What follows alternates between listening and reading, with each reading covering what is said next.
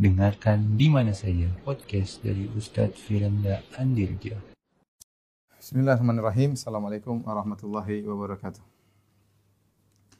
Alhamdulillahi ala ihsani wa syukru lahu ala taufiqihi wa amtinani wa asyhadu an la ilaha illallah wahdahu la syarika lahu ta'ziman li sya'ni wa asyhadu anna Muhammadan abduhu wa rasuluhu da ridwani.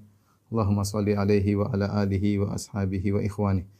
Para jamaah yang dirahmati Allah Subhanahu wa taala, pada kesempatan kali ini kita akan bahas satu pembahasan yang uh, kita mengingat tentang akhirat ya, tentang kematian yang banyak orang tidak suka berbicara tentang bahasan ini ya, karena yang namanya kematian adalah perkara yang secara tabiat tidak disukai oleh siapa siapa saja ya.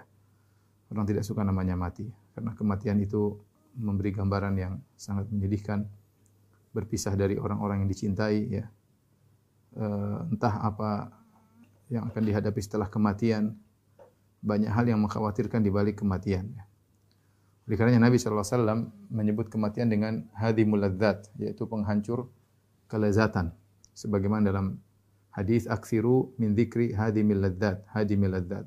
Perbanyaklah kalian untuk mengingat penghancur kelezatan, yaitu al-maut, yaitu uh, kematian.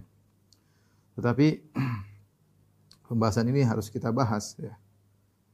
Karena kenyataannya ya kita sudah sering ngaji, sudah sering baca Quran atau sudah sering dengar nasihat, tetap saja kita lalai dari namanya kematian. Entah karena mungkin hati sebagian kita sudah keras dengan berbagai macam kemaksiatan yang kita tumpuk tiap hari ya atau karena penglihatan yang haram, karena pendengaran yang haram, komentar-komentar yang tidak baik atau hati yang busuk ya atau karena makan dari hasil yang haram sehingga membuat kita lalai dari namanya kematian.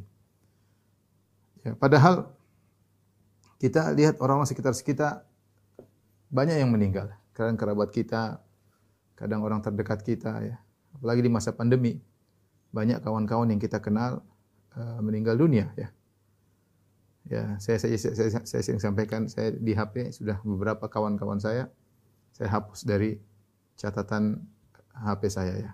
Sudah meninggal saya hapus, sudah meninggal saya hapus. Sudah meninggal saya saya hapus ya.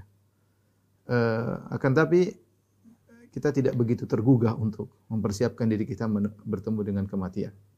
Allah alam saya katakan apa karena hati kita yang sudah terkotori dengan berbagai macam kemaksiatan ataukah karena dunia yang begitu menyibukkan kita sehingga kita lalai? Ya sehingga kita lalai. Seakan-akan sikap kita menunjukkan kita akan hidup lama. Dan sikap kita dalam aktivitas kita sehari-hari seakan-akan kita akan hidup kekal. Ini yang jadi masalah. Oleh karenanya Hasan al-Basri rahimahullah taala seorang tabi'in yang mulia pernah mengucapkan suatu perkataan yang indah. Dia berkata ma ra'aitu yaqinan asbaha bisyakkin minal maut Aku tidak pernah melihat suatu perkara yang yakin, yang pasti, tetapi dia seperti suatu yang diragukan, seperti kematian. Maksud apa? Maksud apa? Maksud maksudnya apa beliau berkata demikian? Maksudnya kematian itu suatu perkara yang diyakini. Setiap orang yakin dia akan mati. Kalau kita bicara seluruh manusia di alam semesta ini tidak ada yang ragu yang namanya kematian. Kalau hari kebangkitan mungkin masih khilaf di kalangan mereka. Orang musyrikin ada yang mengatakan tidak ada hari kebangkitan. Orang musyrikin ada yang mengatakan bahwa yang ada hanyalah reinkarnasi ya. Uh, tapi semua sepakat bahwasanya kematian itu ada. Suatu yang sangat diyakini tidak ada keraguan di dalamnya ya. Ini ma raaitu yaqinan la syakka fihi asbaha ya as asbaha bi syakkin la yaqina fihi. Aku tidak pernah melihat suatu keyakinan yang tidak ada keraguan dalamnya itu kematian. Jadi seperti suatu yang diragukan tidak ada yang diyakini. Kenapa jadi suatu yang meragukan? Karena kondisi manusia menunjukkan seakan-akan mereka tidak bakalan mati. Inilah kondisi sebagian. Saya tidak mengatakan kita seluruhnya, tapi saya mengatakan uh, kondisi sebagian kita yang uh, yang seakan-akan uh, tidak yakin dengan adanya kematian. Oleh karenanya, ikhwan akhwat yang dirahmati Allah Subhanahu wa taala, uh, Rasulullah SAW menyuruh kita untuk banyak mengingat kematian. E, di mana kematian akan kita rasakan seluruhnya. dan para ulama menamakan kematian dengan al-qiyamatu sughra. Al-qiyamatu sughra yaitu kita ada namanya al-qiyamatul kubra, qiyamatul kubra itu hari kebangkitan pada hari kiamat kelak. Dan namanya al-qiyamatu sughra yaitu kematian. Sebagian perkataan para ulama, man mata faqad qamat qiyamatuhu. Ya, barang siapa yang uh, meninggal telah datang kiamatnya. Tapi saya akan bahas tentang kematian ya. kematian al-maut ya. Ya. Uh, di antara nama-nama kematian, ya. Nama-nama al-maut. Di antaranya adalah uh, tadi kita sebutkan al-qiyamatu sugra. Al-qiyamat as-sugra. Ini sebagaimana disebutkan oleh Al-Qurtubi dalam tafsirnya, kiamat kecil. Baik, uh, kiamat kecil. Kenapa disebut kiamat kecil? Ya, uh, karena sebagaimana kata mereka, man mata faqat qamat qiyamatuhu. Siapa yang meninggal? Maka telah tegak hari kiamatnya. Ya sudah, berarti dia sudah pindah kepada namanya hari akhirat. Kenapa? Eh, berpindah ke alam akhirat. Maka telah tegak hari kiamat. Meskipun belum tiba hari kebangkitan. Kematian juga disebut dengan uh, al-yakin. Keyakinan. Ini datang dalam beberapa ayat. Seperti firman Allah Subhanahu wa taala, "Wa'bud rabbaka wa'bud rabbaka hatta ya'tiyakal yaqin. Dalam surat akhir surat Al-Hijr, sembahlah Rabbmu Rabbmu hingga datang hingga datang al-yaqin. Al-yaqin maksudnya kematian. Yaitu kematian. Kemudian juga seperti dalam surat Al-Muddathir, "Ma salakakum fi saqar? Qalu lam nakum minal musallin wa lam nakun nut'imul miskin wa kunna nakhudu ma'al khaidin wa kunna nukadzibu biyaumiddin hatta atana al-yaqin." Ya. Kata orang-orang kafir dalam neraka Saqar, mereka malah kami dulu begini, kami tidak sholat, kami tidak memberi makan kepada kami mendustakan adanya hari kebangkitan hatta atana al-yaqin. Ya, hingga datang keyakinan kepada kami. Keyakinan maksudnya kematian. Ya, kepada kami. Uh, ikhwan dan akhwat yang dirahmati Allah Subhanahu wa taala. Kenapa disebut kematian dengan keyakinan? Karena ketika seorang meninggal dunia, maka semua yang dia bicara, dia pernah dengar tentang hal gaib, tentang uh, alam barzah, tentang hari kiamat, semuanya dia lihat ketika itu. Sehingga yang tadinya dia dengar cuma dia ragu-ragu, maka dia akan yakin pada hari tersebut ketika dia meninggal dunia, ya, maka disebut dengan kematian disebut dengan al-yaqin. Ini di antara nama-nama kematian. Di antara nama-nama ke kematian juga adalah hadimul ladzat ya. Ya, penghancur kelezatan.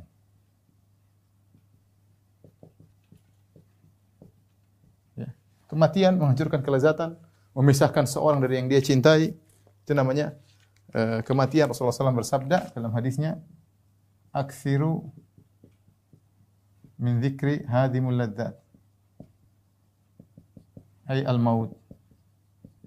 Dan Nabi perbanyaklah perbanyaklah mengingat mengingat kematian, penghancur kelezatan.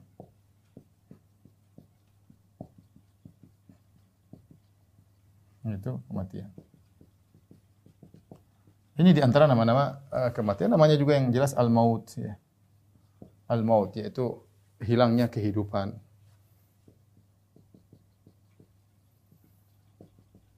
Kehidupan dunia ya.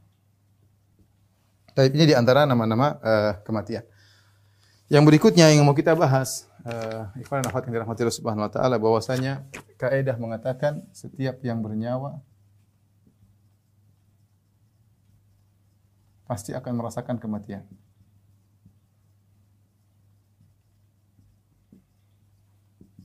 Dan ini Allah ingatkan dalam banyak ayat dalam Al-Qur'an. Di antaranya Allah Subhanahu wa taala berfirman ya. Ya kullu nafsin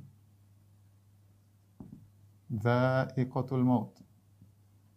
Wa innama tuwaffawna ujurakum yaumal qiyamah. Faman zuhzi'an nari udkhil jannata faqad faz wa mal hayatud dunya illa mata'ul ghurur. Allah juga berfirman, kullu nafsin idza eh, iqatul maut summa ilaina turja'un.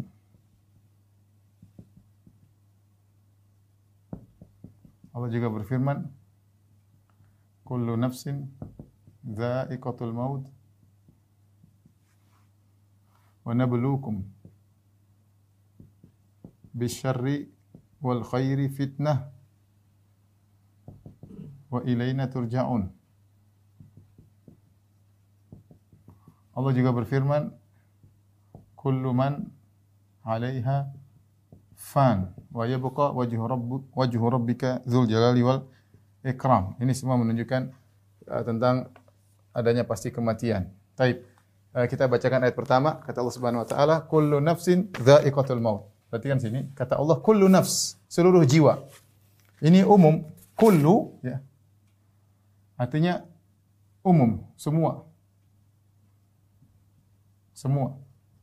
Tidak pandang bulu, mencakup laki-laki, perempuan, uh, mencakup orang kaya, orang miskin, pejabat, rakyat jelata, ustadz, bukan ustadz, nabi, syuhada, semuanya eh, orang-orang soleh, orang-orang buruk, semuanya Semuanya masuk dalam ayat ini.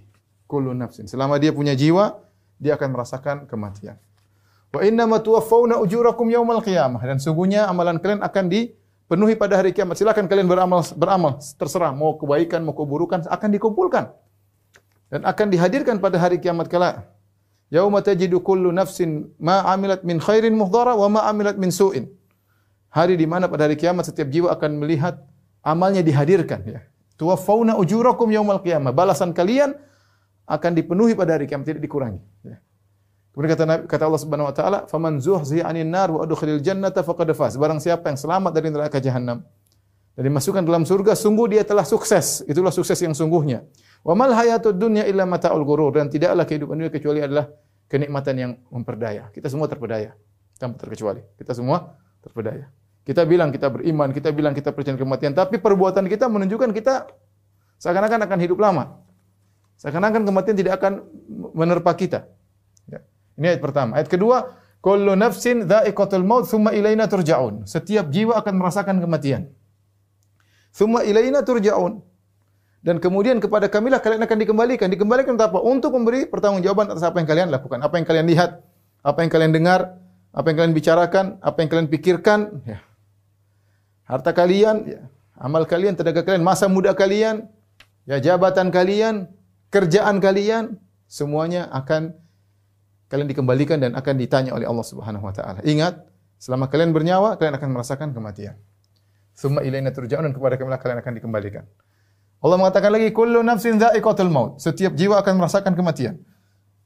Wa nabluukum bisyarri wal khairi fitnah dan kami akan menguji kalian bisyar dengan kesulitan, diuji dengan kesulitan.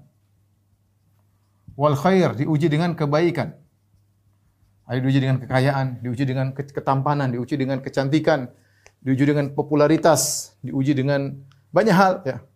Sebaliknya ada yang diuji dengan kemiskinan, dengan sakit dan yang lainnya. Semuanya akan diuji. Setiap yang bernyawa akan diuji dan dia akan merasakan dan dia akan mati. Wa ilaina turja'un dan kalian akan dikembalikan untuk bertanggungjawabkan ujian yang kalian hadapi bagaimana kalian menghadapi ujian tersebut. Ya. Allah berfirman juga kullu man 'alaiha fan. Semua yang di atas muka bumi fan akan fana. Akan fana, ya. sirna. Wa yabqa wajhu rabbika dzul jalali wal ikram. Terisa hanyalah Allah wajah Allah Subhanahu wa taala. Allah juga uh, berfirman dalam ayat yang lain, "Wa ma ja'alna li basyarin min qablikal khuld, afa imitta fahumul khalidun." Kata Allah, "Wa ma ja'alna li basharin min qablikal khuld afa imitta fahumul khalidun kullu nafsin dha'iqatul maut dan kami tidak menjadikan bagi seorang pun sebelum engkau yang abadi. Tidak ada yang manusia abadi. Adam alaihissalam umurnya sampai 960 tahun. Akhirnya meninggal. Nuh alaihissalam 1000 tahun kurang lebih uh, juga meninggal. Ya. Jadi tidak ada yang abadi. Kalau kau meninggal wahai Muhammad, apakah mereka akan kekal? Allah Subhanahu wa taala berfirman, "Innaka mayyitun wa innahum mayyitun." Engkau Muhammad akan mati sebagaimana mereka juga akan mati. Nabi, kau akan mati, engkau akan mati wahai Muhammad dan mereka juga akan uh, mati, ya. Ya. Wa Muhammadun illa rasulun qad khalat min qablihi rusul afa imma ta'au qutilan qalabatum ala aqabikum. Tidaklah Muhammad kecuali seorang rasul telah berlalu rasul sebelumnya. Rasul sebelumnya meninggal maka dia juga akan meninggal dunia. Maka ingat setiap bernyawa pasti akan merasakan kematian dan ini saya katakan tadi umum, mencakup semua termasuk kita akan mati. Ya. Mana presiden-presiden, mana raja-raja, udah selesai di bawah tanah. Mana Fir'aun yang dengan penuh kesombongannya, mana Raja Namrud dengan keangkuhannya, mana kaum Ad yang begitu kuat dan perkasa, mana kaum Samud yang begitu hebat membelah gunung, melubangi gunung dijadikan rumah. Mana mereka? Mana orang-orang yang hebat-hebat, badan kekar yang hebat? Mana para jenderal ya? Mana para panglima? Semua sudah di bawah tanah. Mana orang-orang soleh, para anbiya, para siddiqun, para ulama, para syuhada? Semuanya. Ya. Kalau memang kekekalan harus diberikan, harusnya mereka ini orang soleh yang lebih kekal. Tapi tidak, mereka semua meninggal dunia. Ya apalagi kita. Kita pasti akan meninggal dunia. Jadi, selama Anda bernyawa, Anda akan merasakan kematian. Ini harus hakikat yang harus kita yakini setiap yang bernyawa pasti akan merasakan kematian. Kemudian di antaranya, ikhwan yang khawatir mati Allah Subhanahu wa taala, bahwasanya tidak ada yang bisa lari dari kematian. Siapa pun dia. Allah Subhanahu wa taala telah menekankan hal ini dalam banyak ayat. Di antaranya kata Allah Subhanahu wa taala, "Aina ma takunu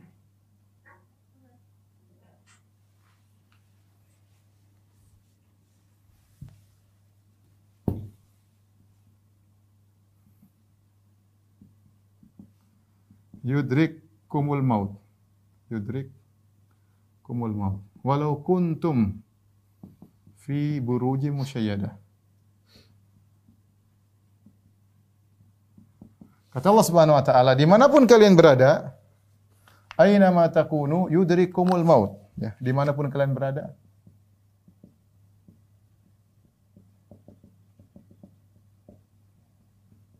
Maut akan menjumpaimu. Maut akan kematian akan menemuimu. Akan apa namanya? Mendapatimu. Yudrik. Akan mendapatimu. Walau kuntum fi burujim musyajadah meskipun engkau di tembok, di benteng yang kokoh, bangunan yang kokoh. Ya. Ya. Siapa pun, mau dia raja, mau dia jenderal, ya, dia tidak akan selamat dari kematian. Meskipun dia tinggal di, ya, uh, meskipun dia tinggal di tempat yang terjaga, ya. Oleh karenanya ketika Nabi Daud alaihissalam kami dalam hadis, tiba-tiba malaikat maut datang masuk ke dalam rumahnya. Maka Nabi Daud heran, dia raja. Tiba-tiba ada orang nyelonong langsung masuk ke dalam rumahnya. Maka Nabi Daud bertanya, "Siapa engkau?" Maka malaikat maut berkata, "Aku adalah yang tidak pernah takut kepada siapa pun, raja, tidak pernah takut kepada panglima dan tidak ada yang bisa luput dariku." Maka Nabi Daud alaihissalam sadar dia adalah malaikat maut. Ya.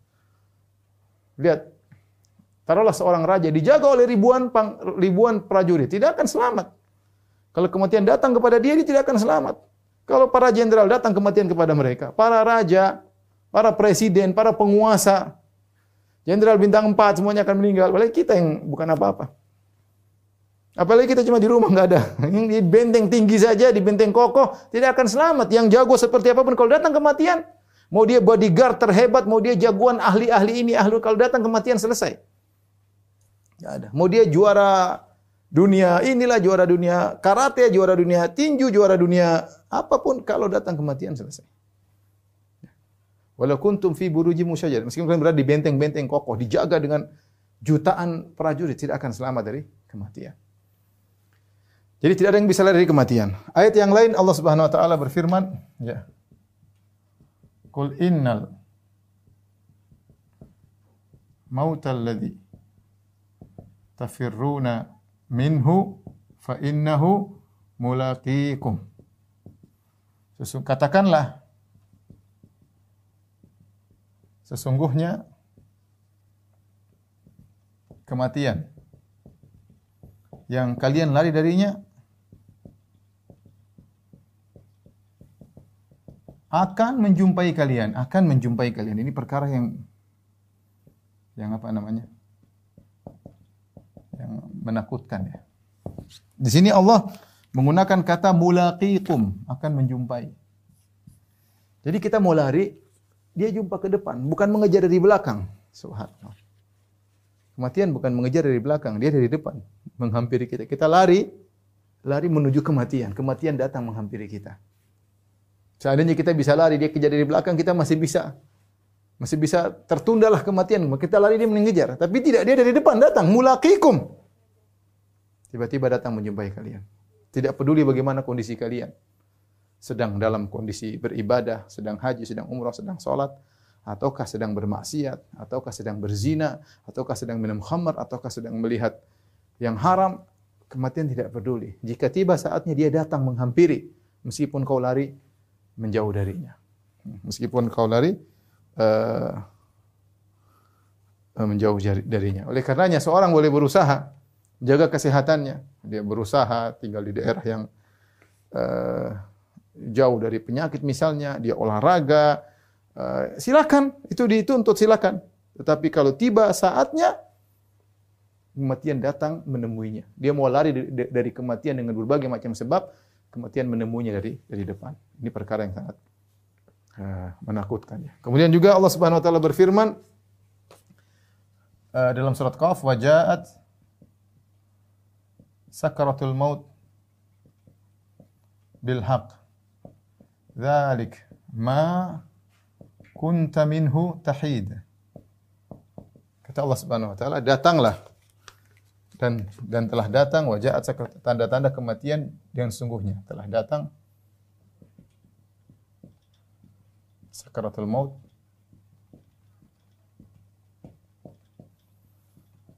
Dengan benar-benar datang bil haq. Dzalika ma kunta minhu tahid itulah kematian yang dulu yang kalian yang engkau menghindar darinya. Tahid haidah itu menghindar. Menghindar percuma ya. Seorang menghindar dari kematian, kematian jika sudah datang maka dia tidak akan bisa selamat dari kematian tersebut. Ini perkara kedua yang perlu kita yakini ikhwan dan akhwat ya. Eh, bahwasanya kematian akan datang menemui kita. Bukan lari mengejar kita, tapi datang mendekati kita dari dari depan. Lari ke mana pun kita akan bertemu dengan dia. Kemudian uh, yang berikutnya bahwasanya ajal telah ditentukan namun tidak diketahui. Diketahui kapannya. Terkadang ada tanda-tanda, terkadang ada tanda, tapi memastikan tidak ada yang tahu. Oleh karenanya Al-Qurtubi rahimahullah taala mengatakan ajma ahlul ilm ya ala anna al-maut kata Al-Qurtubi ajma ahlul ilm ala anna al-maut uh, laisa lahu waqtun maklum maklum maklum wala sababun maklum Kemudian wala makan maklum. Kata Al-Qurtubi rahimahullah bahwasanya ulama sepakat kematian ulama sepakat kematian. Ya, tidak ada yang tahu kapan waktunya. Ya. Tidak ada ya yang tahu ya. Kapannya? Kapannya? Sebabnya? Kemudian di mananya? Allah Subhanahu wa taala berfirman dalam Al-Qur'an ya wa ma tadri nafsun bi ayyi ardi thamud. Wa ma tadri nafsun bi ayyi ardin tamut tidak satu jiwa yang tahu di mana dia akan meninggal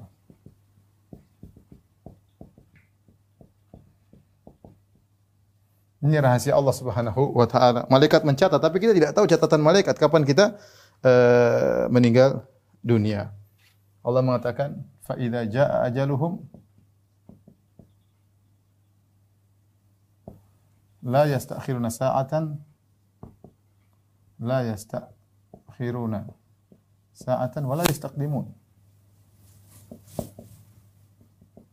Jika telah tiba ajal,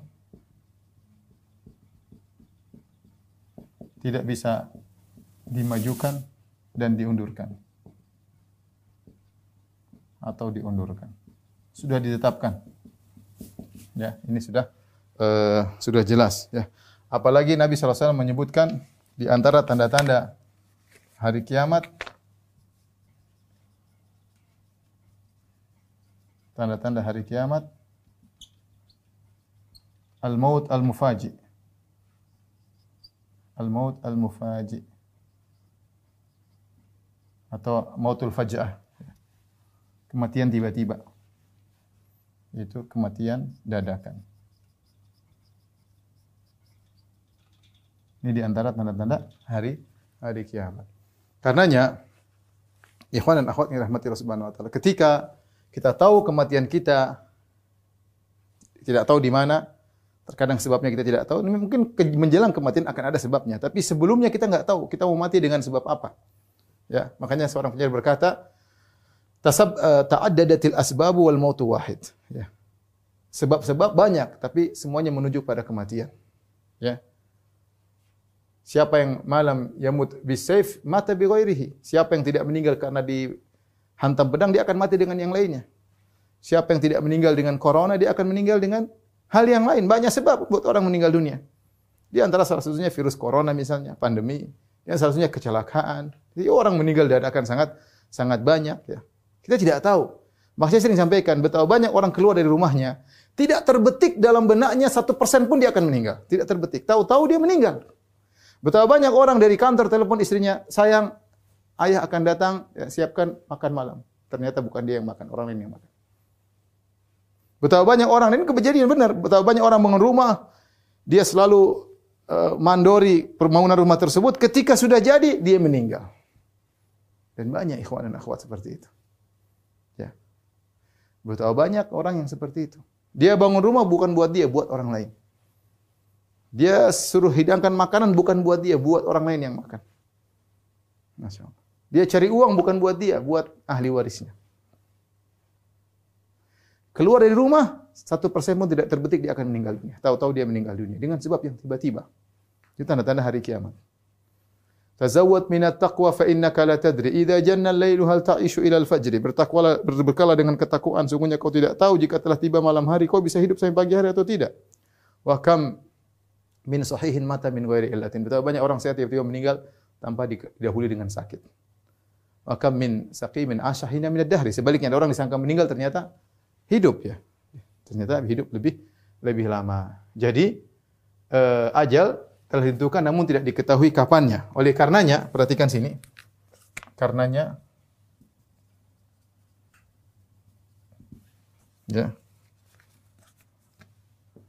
Uh, kematian tidak harus didahului dengan sakit. Orang sehat tiba-tiba meninggal juga banyak. Perhatikan ini. Kematian tidak harus di apa namanya? Uh, tidak harus sakit, tidak didahului oleh tua. Kenapa? Banyak anak muda yang juga meninggal dunia. Wa kam min fatan amsa wa asbaha dhahikan wa qad udkhilat ajsaduhum zulmatal qabri. Betapa banyak pemuda di pagi hari masih tertawa. Di sore hari masih tertawa, tiba-tiba malam hari ya jasad mereka dikuburkan dalam kegelapan uh, liang lahat. Jadi ini harus kita pastikan ikhwan ini yang jadi masalah ya. Kematian tidak harus ada pemberitahuan. Kematian sering datang tanpa mukaddimah tiba-tiba si fulan tahu-tahu meninggal. Kalaupun sakit beberapa saat kemudian meninggal tidak lama. Ya, karenanya seorang waspada jangan merasa dirinya akan hidup akan hidup terus. Taib. Tolong dihapus. Kita akan lanjutkan setelah ini tentang masalah mengingat kematian. Di foto baru dihapus. Tapi ikhwan dan akhwat eh, yang dirahmati Allah Subhanahu wa taala, kita akan lanjutkan tentang eh, sunnah menyikapi kematian yaitu adalah eh, disunahkan sering mengingat kematian.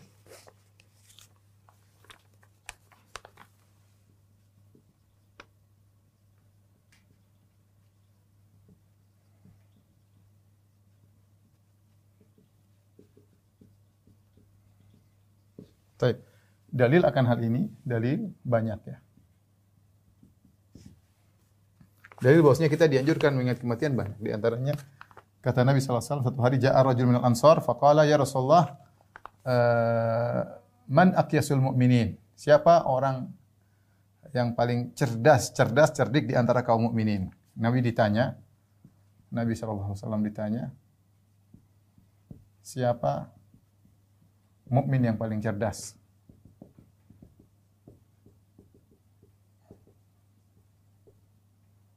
Nabi menjawab yaitu uh, aktsaruhum lil mauti dzikran wa ahsanuhum lima ba'dal mauti isti'dadan Ulaikal akiyas. Ulaikal akiyas.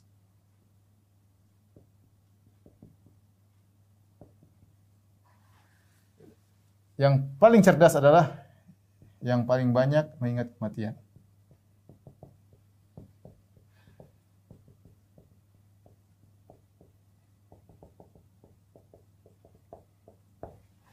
Yang paling baik persiapannya untuk setelah kematian. Mereka itulah orang-orang yang cerdas. Itulah orang-orang yang cerdas. Yang kedua juga Nabi bersabda, hadis yang lain, bersabda, Al-kayyisu man dana nafsahu wa amila lima ba'dal maut. Kata Nabi orang cerdas yang menundukkan nafsunya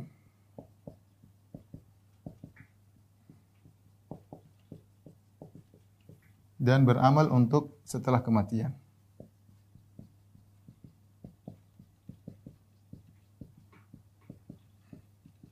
Ini adalah orang cerdas, banyak mengingat uh, kematian ya. Jadi ditanya siapa orang paling orang mukmin yang paling cerdas? Kata Nabi jelas, yang paling banyak aksan bil mauti yang paling banyak yang kematian. Yang paling banyak persiapan setelah kematian orang cerdas. Makanya orang yang yang apa namanya uh, yang melakukan kemaksiatan disebut dengan orang bodoh. Ya.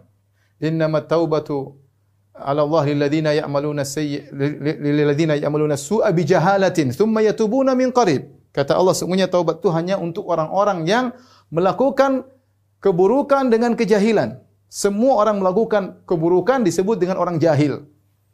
Orang jahil, ya. Makanya uh, Nabi Yusuf alaihissalam ketika berdoa kepada Allah, Rabbi sijinu ahabbu ilayya mimma yad'unani ilaih wa illa tasrif anni kaidahunna asbu ilaihinna wa akum minal jahilin. Kata Nabi Yusuf, ya Allah, aku lebih senang di penjara. Kalau kau tidak palingkan aku dari rayuan para wanita tersebut, aku akan condong kepada mereka dan aku termasuk orang jahil, maksudnya aku akan bermaksiat. Semua pelaku maksiat itu jahil, bukan pinter. Kenapa disebut jahil? Karena dia telah mengorbankan kehidupan akhiratnya untuk kenikmatan yang sementara. Semua. Kita kita sering jahil. Mungkin ilmunya banyak, mungkin hafalannya banyak, mungkin pandai bikin status di Twitter, pandai bikin status, pandai share, masya Allah. Tapi kita sering jahil. Kenapa? Ketika kematian hilang dari diri kita, menghadirkan bahwasanya kita akan mati hilang sehingga kita jahil, kita mendahulukan kenikmatan yang sementara mengorbankan kenikmatan yang abadi. Sering demikian. Ya, makanya orang yang melakukan kemaksiatan disebut orang jahil disebut dengan orang jahil. Sebaliknya orang yang ingin yang ingat sering ke, ingat kematian, maka dia orang yang cerdas, dia banyak persiapan untuk menghadapi setelah kematian. Makanya dia mengatakan al-kayyisu mandana nafsahu. Orang cerdas adalah orang yang menundukkan hawa nafsunya. Dia hawa nafsu menyuruh dia untuk melakukan sesuatu dia lawan. Ingin ini, ingin anu, ingin beli ini, ingin, ingin memiliki ini, dia lawan. Tidak, saya hidup cuma sementara. Ya. Maka uh, disunahkan sering mati kematian. Di antara dalilnya Kata Nabi sallallahu alaihi wasallam, "Aktsiru ya. Aktsiru min dzikri hadhimil ladzat." Perbanyaklah mengingat penghancur kelezatan. Itu kematian. Kita tidak suka semua orang kita tidak ingin ingat kematian. Kita ingin kita senang-senang. Kita ingin bahagia kalau nggak ingat kematian. Mengingat kematian buat kehidupan kita nggak enak. Maka orang tidak suka kalau bahas tentang kematian. Yang mengganggu kenyamanannya. Ya. Oleh karenanya lihat di antara ciri-ciri orang kafir. Apa kata Allah Subhanahu wa taala? Wa amma man utiya kitabahu bishi eh, wara'a dhahri fasawfa yad'u thubura wa yasla sa'ira innahu kana fi ahlihi masrura innahu dhanna an la yahur. Adapun orang yang diberikan catatan, catatan amal dari, dari belakangnya, ya, maka dia akan masuk dalam neraka jahanam dan dia apa, mengatakan celaka aku, celaka aku. Innahu kana fi ahli masrur di, di, di, di dunia hanya senang-senang di keluarganya, tidak ingat kematian. Hmm. Ingat kematian. Ya. Adapun orang yang bertakwa, mereka di dunia fi ahlina musfiqin. Kami dulu dalam keluarga kami musfiqin, rasa takut, rasa khawatir dengan hari kebangkitan. Dia lagi senang-senang dengan keluarganya, bercengkrama dengan istrinya dan anaknya, tetap saja dalam hatinya ada kekhawatiran dengan hari kiamat. Itu orang beriman.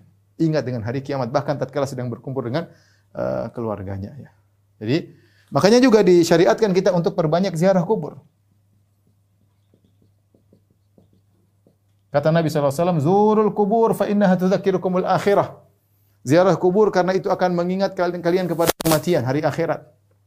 Ya, Makanya kalau kita ziarah kubur kita diam berdoa sebagaimana Utsman bin Affan. Kuburan kemudian dia menangis, bukan sekedar lewat, kita diam merenungkan ketika ziarah kubur. Kita mengatakan assalamualaikum ahla diyar minal muslimin wal mu'minin wa inna insyaallahu bikum lalahiqun. Keselamatan bagi kalian wahai penghuni kuburan dari muslimin dan kaum mukminin. Kami pasti nyusul kepada kalian, nyusul. Antum musabiqun lahiqun. Kalian duluan kami akan nyusul. Pasti nyusul. Ya, kekayaan yang kita kumpulkan kita tinggalkan. Kita semua akan berada di bawah di bawah tanah dalam liang lahat. Oleh karenanya perbanyak ziarah kubur ya agar kita ingat akan uh, kematian. Jadi dalil tentang mengingat kematian banyak. Taib. Timbul pertanyaan, apa yang dimaksud mengingat kematian?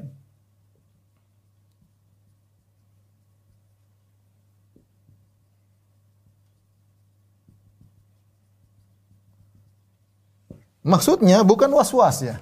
Ya. E, bukan maksudnya was-was terus, was-was melulu. Sehingga eh, terluput dari banyak kemaslahatan.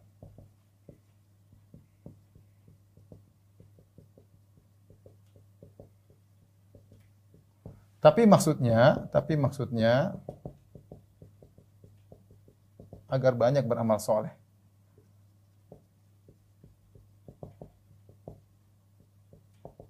Itu maksudnya. Semuanya kita selalu niatkan amal soleh karena kita tahu kita akan meninggal dunia.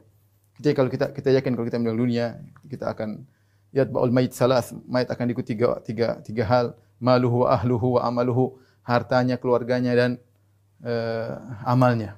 Fayarji al-isnan wa yabqa wahid. Yang dua akan pulang, keluarganya akan pulang, antar dia nangis-nangis, kemudian pulang. Hartanya, mobilnya, kemudian apa akan pulang, tinggal amalnya. Ya kita akan bertemu dengan hari tersebut. Kita harus persiapan. Ya. Itu maksudnya mengingat kematian. Bukan sebagian orang kena was-was. Saya pernah ditelepon sama orang, Ustaz saya merasa akan mati. Sehingga akhirnya dia mau kerja susah, dia mau ke mana-mana takut kekawat. Ini, ini, ini, ini dari setan, bukan seperti itu maksudnya. Ya. Bukan karena takut mati, akhirnya tidak bisa beraktivitas. Itu namanya was-was. Bukan itu maksudnya. Maksudnya adalah Anda ingat kematian sehingga Anda mempersiapkan diri Anda dengan amal soleh. Kalau punya harta, gunakan untuk bersedekah. Punya umur, gunakan untuk berbakti kepada orang tua. Untuk berdakwah, untuk bersedekah, untuk macam-macam. Itu namanya persiapan. Ya. Oleh karena ada salah seorang salaf, ya, uh, kalau tidak salah namanya Habib Abu Muhammad, dia selalu kalau mau tidur dia bilang sama istrinya, ingat nanti kalau saya meninggal yang mandikan saya si fulan. Jangan lupa wasiat saya kepada si fulan. Selalu dia bilang begitu. Orang-orang bertanya, mungkin suatu saat sedang apa namanya bersafar kayak atau apa mereka tanya sama istrinya, kenapa suamimu e, mengatakan demikian? Apakah dia mimpi sesuatu sehingga dia merasakan meninggal dunia? Kata istrinya tidak, memang dia tiap hari seperti itu. Tiap hari dipersiapkan dirinya. Makanya kan disunahkan kita tidur kita di atas wasiat. Tapi kita nggak menjalankan sunnah tersebut. Kenapa? Karena kita merasa akan hidup lama. Saya tidak mengatakan antum, saya mengatakan saya juga. Kita demikian. Harusnya sunnahnya kita tulis wasiat. Sebelum tidur kita lihat wasiat dulu tidur. Karena kalau kita meninggal dunia terkadang ada hal yang luput yang tidak bisa kita orang lain tidak tahu maka kita tuliskan. Dan itu di antara sarana buat kita ingat akan kematian. Tulis wasiat, uh harta saya sekian, mobil saya sekian. Ah, sehingga kita ingat kematian. Baik, uh, kita akan bahas tentang manfaat mengingat kematian dan ini yang penting untuk kita pahami ya. Manfaat sering mengingat kematian. Banyak sekali ya.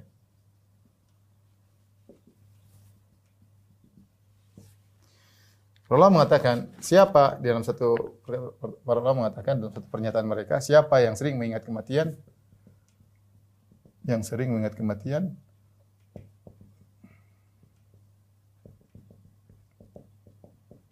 berkata ulama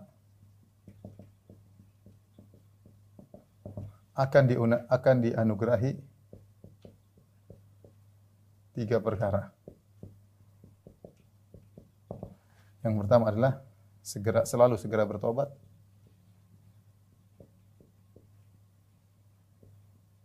Semangat beramal soleh.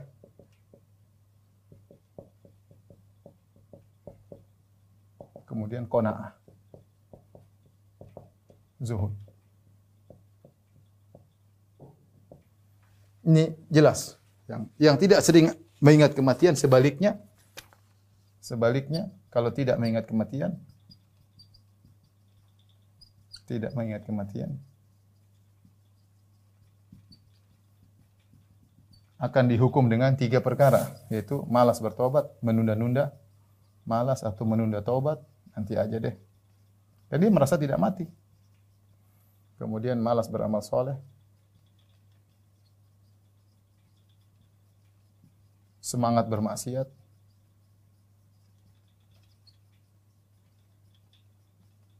kemudian rakus dunia.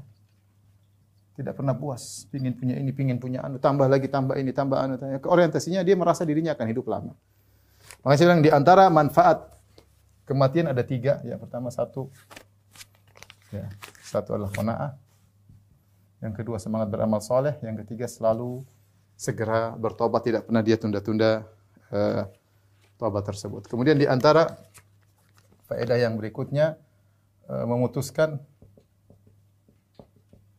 sebab-sebab kelalaian. Kalau orang sering tanya, Ustadz bagaimana ya? Eh, obat futur, saya sering futur Ustadz. Ingat kematian, Anda tidak akan futur. Ya. Kalau Anda ingat kematian, susah untuk futur. Ya, makanya Nabi SAW mengatakan, Sallu, Salli sol, solata muaddi'in. Solatlah seperti kau akan berpisah. Gimana kalau kita solat, kita merasakan ini solat terakhir kita. Kita akan meninggal dunia. Kita akan solat dengan khusyuk. Ya kita nggak tahu kita berbuat ke, apa namanya uh, kita lalai, waktu kita terbatas. Coba bayangkan kalau kita dikasih tahu kamu minggu depan meninggal. Wah sudah kita tiap hari baca Quran. Tiap hari baca Quran. Ada seorang salaf saya sering dengar biografinya dari uh, Syekh Abdul Muhsin Al-Abbad dalam majelisnya namanya kalau nggak salah Zadan saya belum cek kembali. Disebutkan orang ini amalannya full. Waktunya penuh dengan amalan. Sampai dikatakan jika dikatakan kepadanya ada malaikat maut di pintu dia tidak akan bisa menambah amalnya. Luar biasa. Full waktunya sudah beramal. Jika dibilang ada malaikat maut di pintu dia tidak akan menambah amalannya. Karena sudah full amalannya. Ya salah seorang perawi hadis ya. Jadi kalau kita futur, ingat kematian, futur akan hilang insyaallah taala. Siapa yang bisa menjamin Anda akan hidup sampai besok? Enggak ada yang jamin. Minggu depan enggak ada yang jamin. Tahun depan enggak ada yang jamin. Sore aja malam nanti kita hidup enggak ada yang jamin. Ya, saya sering sampaikan kisah. Ada kenalan saya teman lah ya. Dia sering datang ke Indonesia dua orang, satunya polisi, satunya seorang pendakwah ya. Ternyata pada hari tersebut teman yang sering berdakwah ini tidak jadi datang. Akhirnya teman saya yang polisi yang datang. Kenapa dia tidak jadi datang ke Indonesia? Dia tetap di Madinah karena bibinya sakit keras. Sehingga dia bilang, mohon maaf saya tidak bisa. Dia cancel penerbangan, akhirnya dia nemani bibinya, ternyata bibinya meninggal dunia. Bibinya meninggal dunia, akhirnya dia sholatkan bibinya, Ba'da Isya, di Masjid Nabawi, dikuburkan, dia hadir kuburannya di kuburan Baqi. Besok subuhnya dia yang dikuburkan. Subhanallah. Besok subuhnya dia yang dikuburkan. Saya telepon langsung sama teman saya polisi tersebut. Saya bilang, kenapa tidak datang? Bagaimana ceritanya? Maka dia cerita. Subhanallah teman kita tersebut dia tidak mengcancel penerbangan untuk melihat kondisi bibinya atau keluarganya. Kemudian dia solatkan mayat, solat mayat, solat jenazah buat bibinya. Di malam hari solat isya dia kuburkan, besoknya subuh dia yang dikuburkan. Kita nggak tahu kapan maut apa menjemput. Ya sebab kematian kita banyak, kita sering perjalanan, sering naik pesawat, banyak hal yang disebut kita mati. Oleh karena kalau kita ingat mati, insya Allah penyakit futur akan akan uh, hilang ya. Ya, kemudian di antara faedahnya uh, takut bermaksiat. Ya, kalau kita kita malas ingat kematian, kita malas. Kalau kita ingat kematian, kita takut bermaksiat. Betapa banyak orang meninggal. Ya, teman-teman cerita meninggal sedang minum khamr, meninggal sedang berzina, meninggal sedang lihat yang tidak baik, meninggal sedang main judi, meninggal banyak, sedang durhaka sama orang tuanya meninggal, sedang durhaka sama suaminya meninggal. Banyak orang-orang sedang bermaksiat. Su'ul khatimah. Waliyahzubillah. Kita enggak tahu, kita bilang saya melakukan maksiat dan sebentar saya bertobat. Apa kita ada waktu untuk bertobat? Belum tentu. Cuma kita terlalu lalai.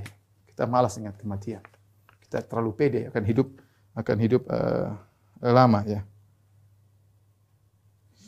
Kemudian tadi di antaranya uh, zuhud ini tadi sudah belum saya singgung ya zuhud. Ya, kalau kita ingat kematian, kita juga ngapain punya harta banyak-banyak. Saya sering sampaikan sama teman-teman saya yang yang sudah berduit. Sudah kita ini kalau sudah punya harta, sudah punya rumah, sudah punya mobil, ya sudahlah kita dianggap kita orang kaya. Sudah punya rumah, sudah punya mobil, sudah punya istri, sudah punya anak, sudah punya pembantu, hutang minimal. Terus mau apa lagi? Ya udah, beramal soleh. Beramal soleh, bersyukur kepada Allah. I'malu ala Dawud syukra. Wahai keluarga Daud, beramal solehlah sebagai bentuk syukur kepada Allah. Terus uang banyak buat apa? Mau rumah banyak yang kita tempati cuma satu, mobil banyak kita pakai cuma satu. Ya. Terus mau apa? Mau uang banyak makan ya segitu-segitu aja. Yang makan langsung 10 piring, 10 uh, menu. Enggak juga, perut kita terbatas. Mau tidur mau di mana? Mau di hotel paling mewah, tidur ya ngorok ya ngorok sudah selesai. Yang si miskin juga tidur. Terus masih pingin semangat punya dunia, punya dunia, pingin ini lagi, pingin anu lagi, pingin lagi. Ya, akhir orang kalau sudah hatinya udah sedunia, dia tidak akan peduli dengan umurnya meskipun sudah tua. Ya. Lau kana li bini Adam wadiyani min dhahab labtago salisan anak Adam kalau dikasih dua lembah emas dia akan cari yang ketiga. Wa ma yamla'u jawf ila turab dia akan berhenti kalau sudah masuk kuburan mulutnya penuh dengan pasir baru dia berhenti. Alhaqumut takatsur hatta zurtumul maqabir. Kalian terlalaikan dengan sikap berbanyak-banyakan, bangga punya perusahaan banyak, bangga punya mobil banyak, bangga punya rumah banyak, bangga punya anak banyak, bangga punya istri banyak, bangga punya pembantu banyak, bangga punya jabatan yang banyak, banyak punya korelasi yang banyak. Hatta zurtumul maqabir. Kalau kalian sudah masuk kuburan selesai. Sikap berbauan selesai. Maka seorang zuhud. Kita boleh hidup senang, tidak ada yang larang. Yang ada kelebihan, kasih, kasih. Kasih keluarga, kasih kerabat, ya. kasih anak yatim, kasih para janda, ya. kasih dakwah, kasih pondok, bangun masjid. Ya, uang kita banyak-banyak buat apa? Takut, takut, nggak bisa makan. Suudon sama Rabbul Alamin. Suudon. Berburuk sangka kepada Allah Subhanahu wa taala. Punya duit. Kalau nggak punya duit ya wajarlah. Saya bicara tentang teman-teman yang diberi kelebihan harta. Ngapain ente pelit-pelit? Ente pelit sama diri sendiri. Wa may yabkhal fa inna ma yabkhalu an nafsi. Siapa yang pelit dia pelit sama diri sendiri. Kalau ente sumbang itu buat sumbangan Anda di akhirat. Aset yang Anda titipkan di akhirat, Anda akan lihat hasilnya pada hari kiamat. Anda pelit, pelit sama diri sendiri. Perhitungan. Jangan hidup zuhud. Saya ingatkan kepada ibu-ibu, jangan terpedaya dengan berbagai macam kemewahan. Ingin punya sudah punya tas bagus nggak? Saya, nggak larang punya duit silahkan. Tapi beli tas sampai banyak-banyak. Ini bikin hisap banyak.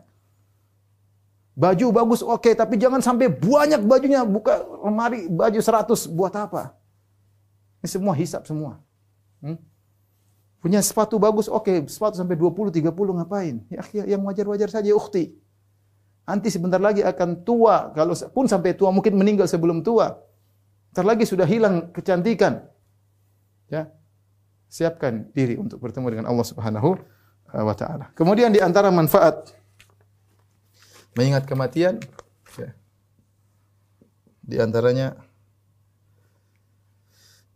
adalah enam ya,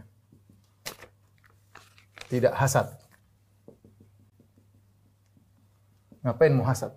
Lihat orang orang punya rumah lebih mewah, ya sudahlah, hisap dia lebih panjang. Udahlah, saya dapat segini alhamdulillah. Ngapain kita hasad? Lihat orang jabatannya tinggi, ah, hisap dia lebih panjang. Ngapain saya? Udahlah, saya segini aja sudah berat saya menghadapinya. Saya punya harta segini aja sudah berat saya untuk menghadapinya. Lagi punya jabatan lebih tinggi. Lihat orang lebih cantik sudah, lebih cantik, hisapnya lebih banyak. Mungkin dia tampalkan wajahnya di medsos, orang semua lihat, ada yang ngiler lihat wajah cantiknya, hisapnya tambah banyak. Ente anti wajah biasa-biasa, alhamdulillah tidak bikin fitnah orang. Tinggalkan hasad. Orang yang ingat kematian dia tidak hasad. Ngapain saya hasad? Hidup semua sebentar, kebahagiaan belum tentu saya dapatkan, kemudian saya rusak hati saya dengan hasad. Sudah jangan hasad. Entar lagi kita mati kok. Hasad-hasad buat apa? Kemudian di antara manfaat ingat kematian adalah tidak dendam. Tujuh. Kata Allah Subhanahu wa taala, "Wa anna sa'ata atiyatun uh, wa inna sa'ata la'atiyatun fasfahi safhal jamil." Wa inna sa'ata la'atiyatun fasfahi safhal jamil.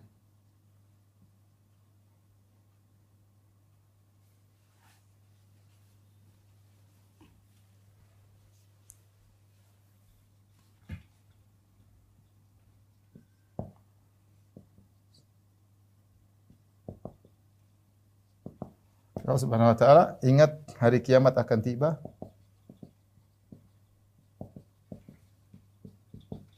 maka berlapanglah dada.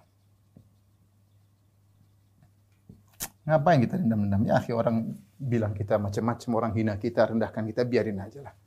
Ngapain saya sibuk dengan gitu? Sebentar lagi hari kiamat, sebentar lagi kita mati, sudahlah. Biarin mereka dengan kita maafkan aja lah. Mereka jahil, nggak ngerti, kita ditentram, ya sudahlah. Dan banyak manfaat dari mengingat kematian. Semoga Allah menjadikan kita dari hamba-hamba yang cerdas, yang selalu mengingat kematian sehingga kita punya persiapan. Wallahu alam bisawab dan semoga Allah mengampuni dosa-dosa kita yang selalu lalai dari mengingat uh, kematian. Wallahu alam bisawab demikian saja kajian yang bisa kita sampaikan kepada uh, kawan-kawan uh, di majelis taklim. Semoga kita diampuni oleh Allah Subhanahu wa taala. Kita bersumpah eh, berjumpa di kesempatan yang lain. Wabillahi taufiq wal hidayah. Assalamualaikum warahmatullahi wabarakatuh.